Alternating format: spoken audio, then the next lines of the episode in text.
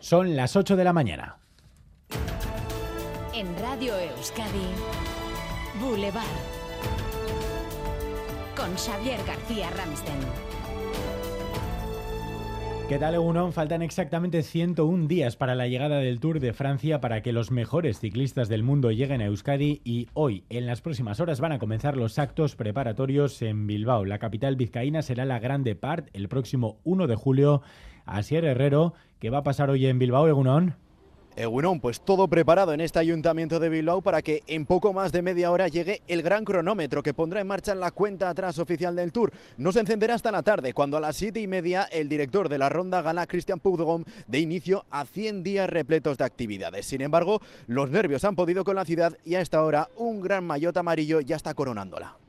Bilbao, Bilbao será la primera etapa del Tour, la segunda será Gasteiz, Donostia, Laida Basurto, Egunon.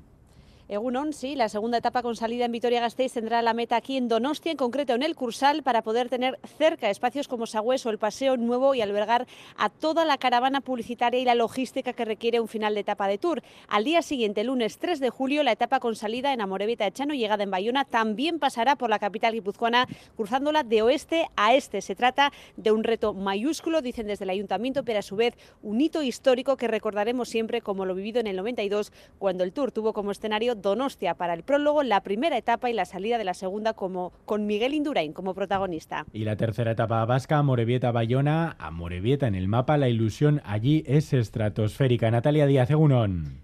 Egunon, sí, así es. Amorebieta es sin duda uno de los municipios con más tradición ciclista, con eh, cuna de grandes nombres y uno de los clubs más potentes y activos y longevos de Euskadi. Para este municipio nos dicen que es un enorme orgullo acoger este 3 de julio la salida de la última etapa vasca del Tour y estar a la altura de grandes capitales y de la misma París. Será el evento del siglo para Amorebieta, dice su alcalde, al que hoy escucharemos aquí en Radio Euskadi. A las 10 en Boulevard hablaremos con el coordinador de la Grande Part en Euskadi. Hoy tenemos especial tour y otros eventos que se vienen este verano en Euskadi.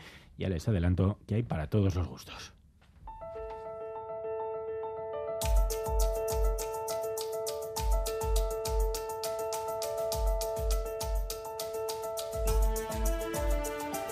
Y dentro de una hora se retoma en el Congreso el debate y votación de la moción de censura de Vox. La jornada de ayer se esperaba esperpéntica, cutre, chabacana y las previsiones probablemente se superaron. A Tamames se le olvidó pedir las elecciones adelantadas en su discurso. Un texto plagado de falsedades. El candidato de Vox además se mostró sobre todo aburrido. Todos los papeles no se pueden aprovechar. Hay que seleccionar los temas, porque si no nos morimos. Aburrido, tras escuchar las réplicas del presidente Pedro Sánchez o la vicepresidenta Yolanda Díaz, muy marcadas por la cercanía de las elecciones y por las críticas al Partido Popular. Y más pronto que tarde, la ultraderecha vendrá a exigirles un segundo pago, en diferido, para saldar las deudas. Señora Gamarra, señorías del PP, cuando llegue ese día o cuando llegue ese momento, acuérdense de este debate. Es muy raro que usted se presente sin un programa de gobierno con un solo objetivo, que es derrocar al adversario. Esto envilece la democracia. Esto no nos hace grandes como país. Usted sabe mejor que yo que la democracia es contraponer programas y venir aquí con un fin tan espurio como es golpear al gobierno de España e intentar derrotarlo o un único punto en su programa que es convocar elecciones anticipadas, sinceramente creo que no es correcto. PNV y Euskal Herria Bildu coincidieron en ver el debate como una pérdida de tiempo, una conversación de bar. Su discurso ha sido una colección de recortes de prensa, desideratus simplones y preguntas al gobierno a ver si le aclaran las cosas. Es válido para una amigable discusión con una cervecita en una terraza, pero no para este serio trámite. Hipotecas al alza, alimentos impagables, vivienda inaccesible. Y ustedes, ajenos a todo ello, nos hacen perder el tiempo durante una semana con debates estériles y un nivel político de barra de bar. A las 9 de la mañana lo analizaremos con el diputado de Unidas Podemos por Vizcaya, Roberto Uriarte. Antes otros titulares del día con Leire García.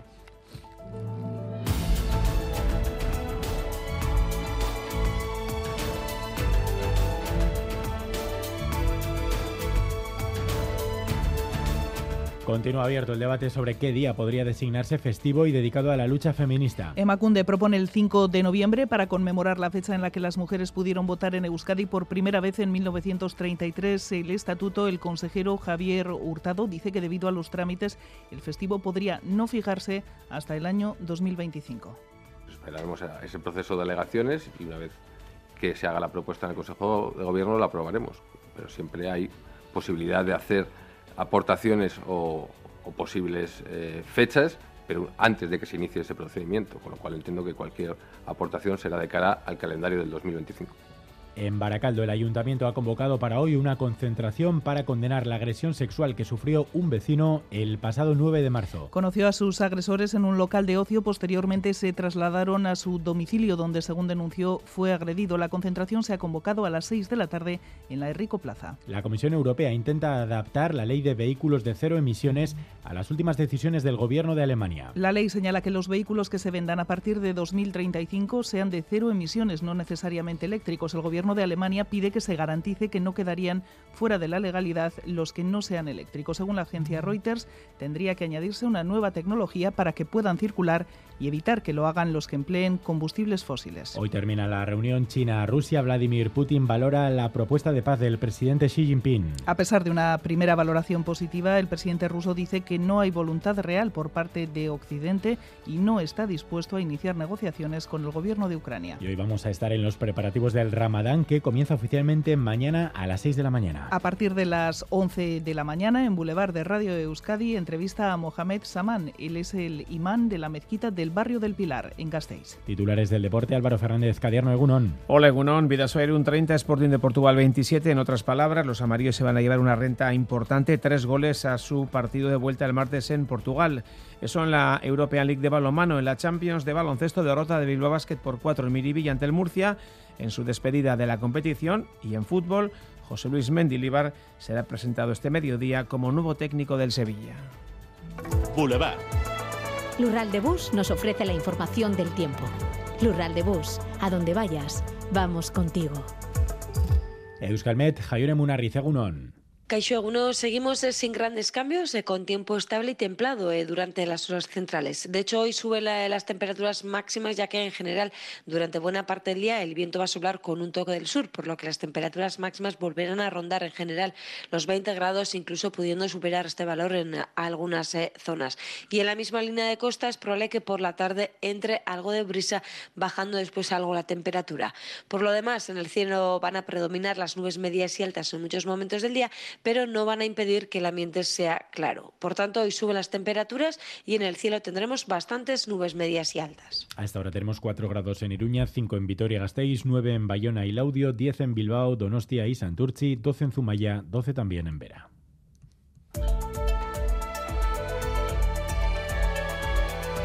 Boulevard. Tráfico. Mayer Martín, Eunón. Dos puntos de atención a esta hora. Egunón, el primero de ellos, venimos dándole cuenta de este hace, desde hace hora y media, en la Guipúzcoa 631, en Cestoa, sentido Azpeitia. Dos turismos han colisionado en este punto, un accidente que se ha saldado con una persona herida y está generando retenciones. Y retenciones también en la 8, antes del túnel de Malmasín, sentido Donostia. Aquí un coche averiado ocupa un carril. Las retenciones van más allá del Alto de Miraflores. Y además tenemos que darles una noticia luctuosa porque ha fallecido Lander Soyano Duro, futbolista del Trapagarán. Tenía 21 años, sufrió politraumatismos graves en un siniestro que se produjo pasadas las 6 de la madrugada del domingo cuando fue arrollado por un tren en Sestao. Gracias, Maider. 688-840-840 si son testigos de alguna incidencia en las carreteras o, por supuesto, para darnos la temperatura. Egunon, sarautzen gaur behatzi grado, ondo izan, aio. Caixo Egunon, en los arcos tenemos 6 grados. Opa, agur. Egunon, abornikanotik, zazpi gradu eta ostarteak daude. Egunona izan... Turno de tarde en el hospital. Ocho horas me esperan. Voy a visitar a Laitona, a pasear juntos un ratito. Con las amigas al teatro, qué ganas tenía ya. Porque la vida vuelve y el transporte público es vida, en Lural de Bus, donde vayas, vamos contigo. Recupera los contenidos de Radio Euskadi en la web eitv.eus y en la app EITV Nayeran.